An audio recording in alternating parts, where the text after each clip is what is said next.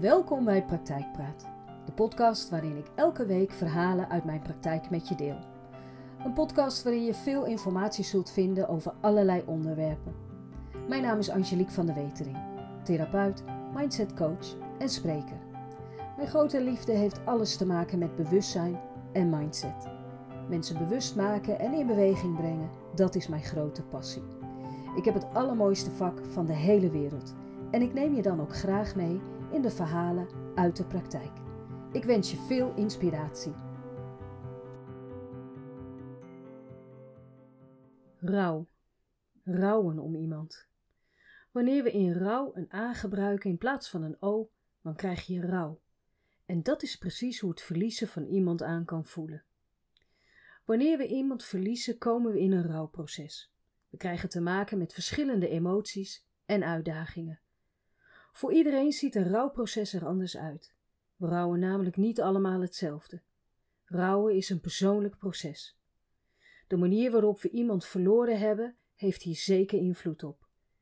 Wanneer iemand onverwachts overlijdt en er geen afscheid genomen kon worden, dan blijf je meestal met veel vragen achter. Dingen die je nog had willen doen en zeggen. Maar ook praktische zaken, waar op dat moment je hoofd helemaal niet naar staat. Er moet opeens van alles geregeld worden. Hoe had diegene het gewild? Is er iets vastgelegd over het afscheid? Ik hoor regelmatig dat iemand in de eerste dagen na het overlijden geleefd wordt. Geen tijd om te rouwen, geen tijd om het te laten landen, geen tijd om te voelen. Ik heb alles op de automatische piloot gedaan, is een opmerking die ik zeer regelmatig hoor. Ook in de weken erna gaan de meesten gewoon door. Ik had geen tijd om echt te rouwen. Alles ging gewoon door. Gezin, werk. Ook Marjan uit het volgende verhaal hoorde ik dit vertellen. Ze werd overvallen door het plotseling overlijden van haar man en raakte zichzelf hierdoor volledig kwijt. Onze ontmoeting was bijzonder en puur. Ik voel iemand aan mijn jas trekken en draai me om. Nog even vlug boodschappen doen en dan snel naar huis. Hoi, ik ben Lola en mijn mama zegt dat ik met jou ga praten. Ik kijk omlaag en kijk in het meest ontwapende gezichtje dat ik ooit heb gezien. Felblauwe ogen en heel fijn krullend blond haar. Oh, sorry hoor, hoor ik achter mij. Lola, je kunt iemand niet zomaar aanspreken. Een beteuterd gezichtje kijkt mij aan. Maar mama, je zei net zelf dat ik met deze mevrouw ga praten. Ik draai me om en herken haar direct. Marjan, wat fijn je te zien. Dus deze Lola staat in mijn agenda. Ik zak door mijn knieën en kijk Lola aan. Wat fijn dat jij met mij komt praten. Dat gaat ons vast goed lukken. Lola kijkt bedenkelijk en zegt: Mijn papa is dood. Ik voel Marjan verstijven. Haar adem stokt.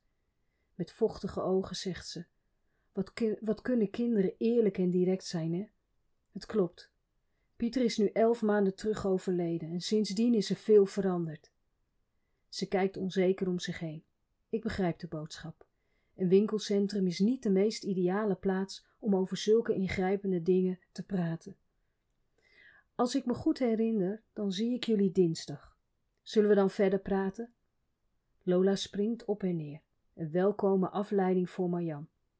Ja, zegt ze, praten we dan verder. We zijn er allebei aan toe. Tot dinsdag. Ze glimlacht, draait zich om en loopt weg. Ik kijk ze na en zie het verdriet op haar gebogen schouders rusten. Marjan en Pieter.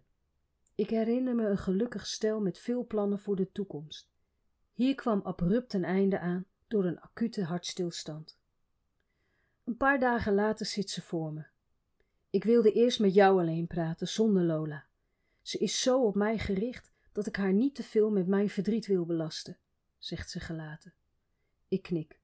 Dat snap ik. Ze is ook nog zo jong. Ze was de dag ervoor net acht geworden. Gelukkig hebben we dat uitgebreid kunnen vieren, niet wetende dat. In haar ogen staat een intens verdrietige blik. Ik krijg er kippenvel van.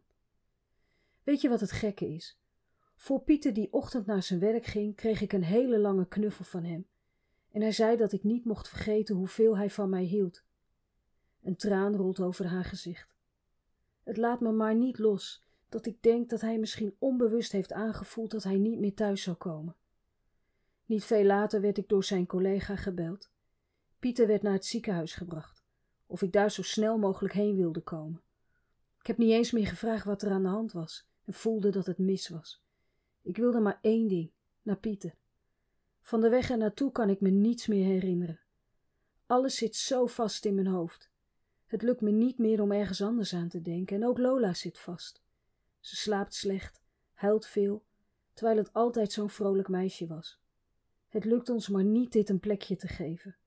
Er rollen tranen over haar wangen. Ik blijf even stil. Hoe ben je daarna weer verder gegaan? Ze kijkt me met een lege en doffe blik aan. Voor mijn gevoel ben ik niet verder gegaan. Ik heb het gevoel nog steeds op de dag na de begrafenis te zijn.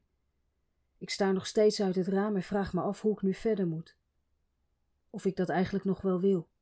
En dat vind ik voor Lola zo erg. Ze legt haar hoofd in haar handen en huilt.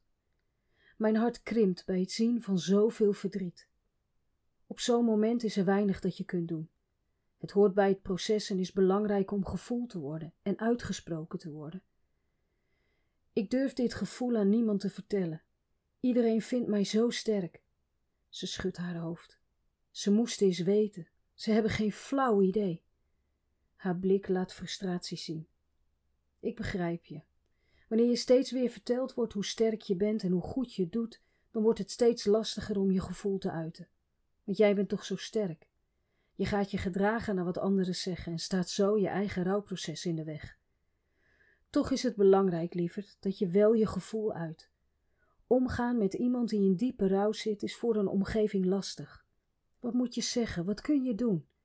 Dus probeert je omgeving je op te beuren en je positief te stimuleren. Goed bedoeld, maar vaak met een averechts effect. En de enige die zich hierdoor beter gaan voelen is je omgeving, en dat begrijp ik heel goed. Het is zo ontzettend frustrerend om iemand om wie je geeft door een zwaar proces te zien gaan, zonder dat je iets kunt doen. Mensen voelen zich machteloos. Toch is het aan jou om te vragen wat je nodig hebt, maar daarvoor zul je eerst moeten ontdekken wat jij nodig hebt om te kunnen rouwen. Neem je daar wel voldoende tijd voor? Ze kijkt me met grote ogen aan. Tijd? Ik probeer er alleen maar doorheen te komen. De tijd kruipt voorbij en ik sta nog steeds stil voor mijn gevoel. Ik ben alleen maar moe. Lichamelijk rouwen kost veel energie. Er gaan allerlei emoties door je heen. Huilen, praten, slapen, maar ook afleiding helpen je door een rouw, rouwproces heen. Afleiding kun je vinden in iets wat je altijd leuk hebt gevonden. Het antwoord dat ze nu gaat geven is voorspelbaar. Ik vind niets meer leuk en kan van weinig dingen nog genieten. Haar blik is weer leeg en dof. Juist daarom, lieverd. Nu heb je geen afleiding. Of je nu van kunt genieten of niet, het haalt je even uit de situatie.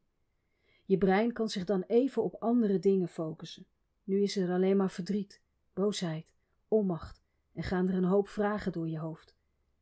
En wanneer je blijft zitten waar je zit, kom je alleen maar vaster in je eigen proces. Het duurt langer, valt je zwaarder, waardoor je de moed en de zin in het leven verliest. En over dat laatste gesproken. Je hebt het leven nog. En kunt er nog van alles van maken, ook al voel je het nu niet. Pas wanneer je echt de tijd neemt, om hulp vraagt en je verdriet aangaat, kom je steeds een stapje verder. Neem je emoties serieus. Ze mogen er zijn.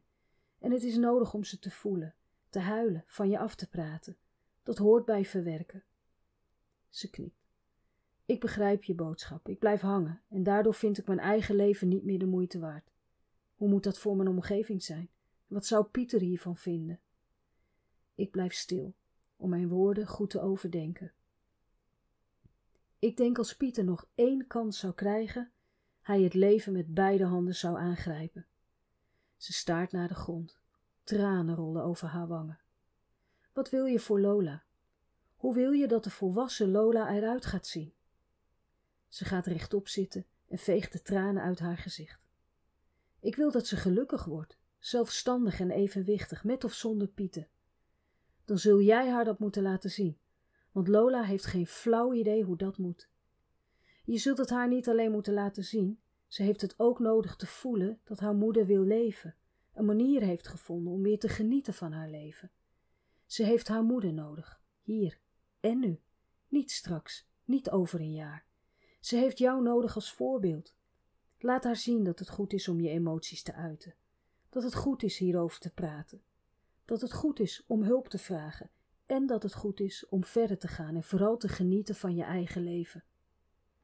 Ze blijft een tijdje stil. Ze schraapt haar keel en zegt: Pieter zou dan zo trots op haar zijn. Haar ogen hebben een zachte en warme glans. Dit raakt mij. En op jou, Marjan. Jij bent dan degene die haar dat geleerd heeft. Ze knikt. Ik moet in de benen. Dingen doen in plaats van laten. Nu sta ik vooral stil bij alles wat Pieter niet mee meemaakt en ik alleen moet doen. Ik wil in plaats daarvan voor me zien hoe Pieter hier ook van zou hebben genoten. Haar verdrietige blik heeft plaatsgemaakt voor een warme glimlach. En dan is hij op een positieve manier bij jullie en maak je mooie herinneringen voor Lola. Zij zal ervaren dat er met warmte en liefde over haar vader werd gesproken. Zo blijft hij in jullie midden en kan Lola haar vader, zonder de negatieve emotionele lading, meenemen in alles wat ze doet. Marjan en Lola hebben met behulp van EMDR deze ingrijpende gebeurtenis en hun verdriet een plekje kunnen geven. Hoe puur en gevoelig kinderen van deze leeftijd kunnen zijn, heb ik meerdere malen bij Lola gezien. Mag ik de koptelefoon weer op? Vraagt Lola. Het wordt dan altijd zo stil in mijn hoofd en als ik dan aan papa denk, word ik niet zo verdrietig meer.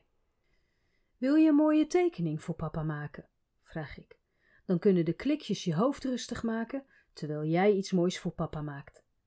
Ze kijkt mij aan en is even stil. Vanuit het niets zegt ze: Papa gaat verhuizen, hè? Hij woonde eerst in een verdrietig hoekje in mijn hoofd, maar door de klikjes kan hij nu in mijn hartje wonen. Ze grijnst van oor tot oor. Ik voel een traan opwellen. Moet je huilen? vraagt ze. Nee, lieverd, ik hoef niet te huilen. Ik ben alleen zo blij voor jou en papa, zeg ik met emotie in mijn stem. Ik kan soms zo geraakt worden door de onbevangen en open houding van kinderen. Ze houden zich niet bezig met de vraag of iets wel kan, of dat het niet gek klinkt. Daardoor weten ze hun gevoel zo mooi te uiten en omschrijven. Zo puur. Rouw. Wanneer je iemand verloren bent, zul je jezelf weer moeten vinden. Wie ben jij nu zonder degene van wie je afscheid moest nemen? Welke betekenis heeft dit aan jouw leven gegeven?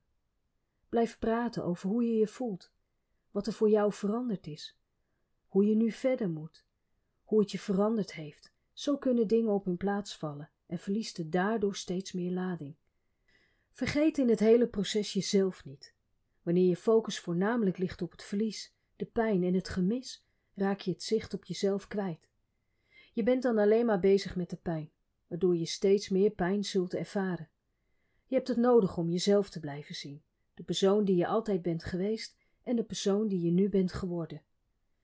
Er bestaan veel theorieën over rouw. Wat is rouw? Welke fases kent rouw? William Warden, een Amerikaans rouwdeskundige, heeft het niet over rouwfase, maar over rouwtaken. Het rouwtakenmodel gaat ervan uit dat degene in rouw met de volgende vier rouwtaken te maken krijgt: het verlies aanvaarden, de pijn doorvoelen, zich aanpassen aan een leven waarvan degene die ze zijn verloren geen deel meer uitmaakt, en leren het verlies een plekje te geven om zonder dierbaren verder te kunnen leven. Al deze taken zijn van belang en het is belangrijk dat ze alle vier doorlopen worden, maar het hoeft niet in deze volgorde te zijn.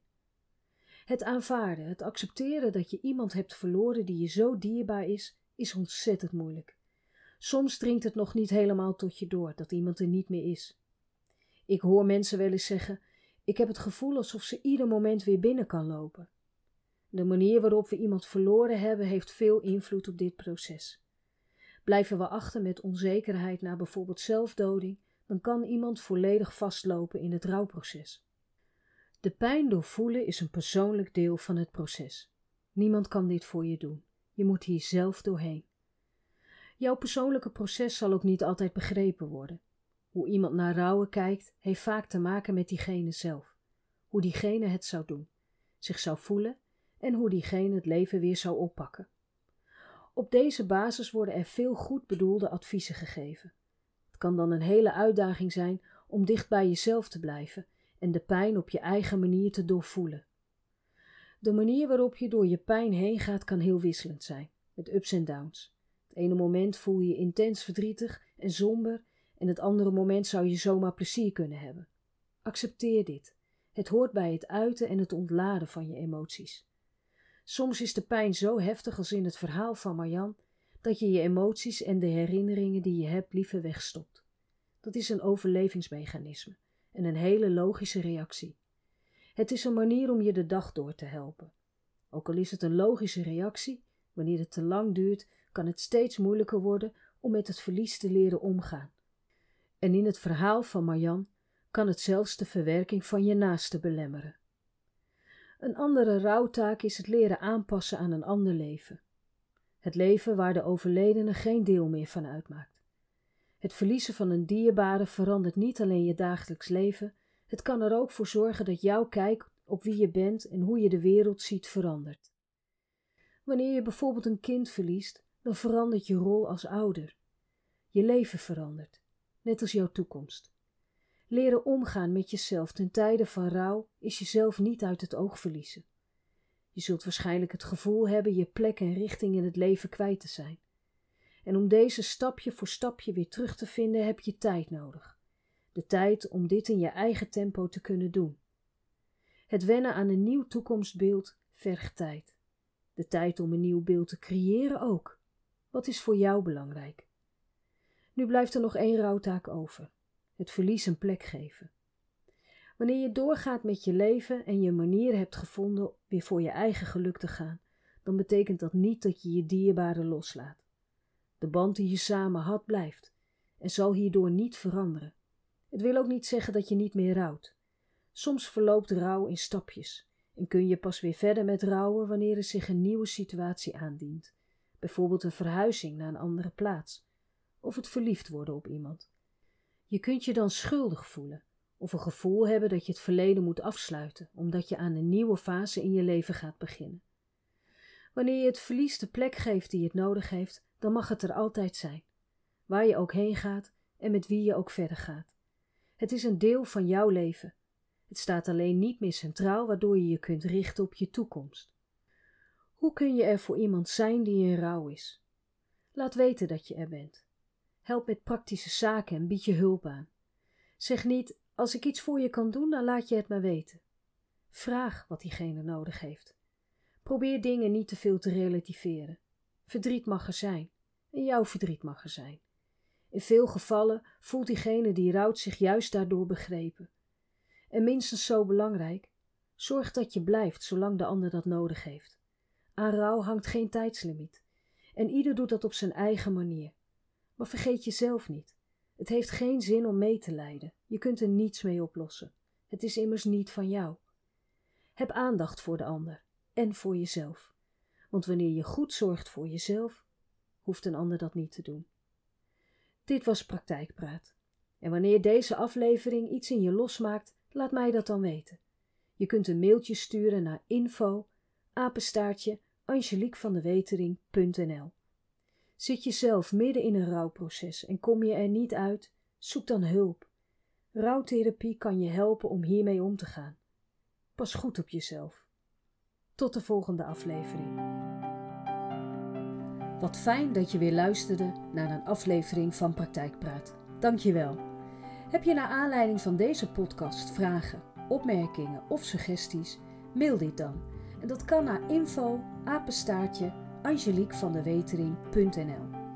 En wanneer je denkt dat deze podcast interessant zou kunnen zijn voor iemand die je kent, dan zou het super zijn wanneer je de podcastaflevering doorstuurt. Nog even een vraag van mij. Vergeet niet te volgen, dan mis je geen aflevering meer. Nogmaals, dankjewel voor het luisteren en heel graag tot een volgende keer.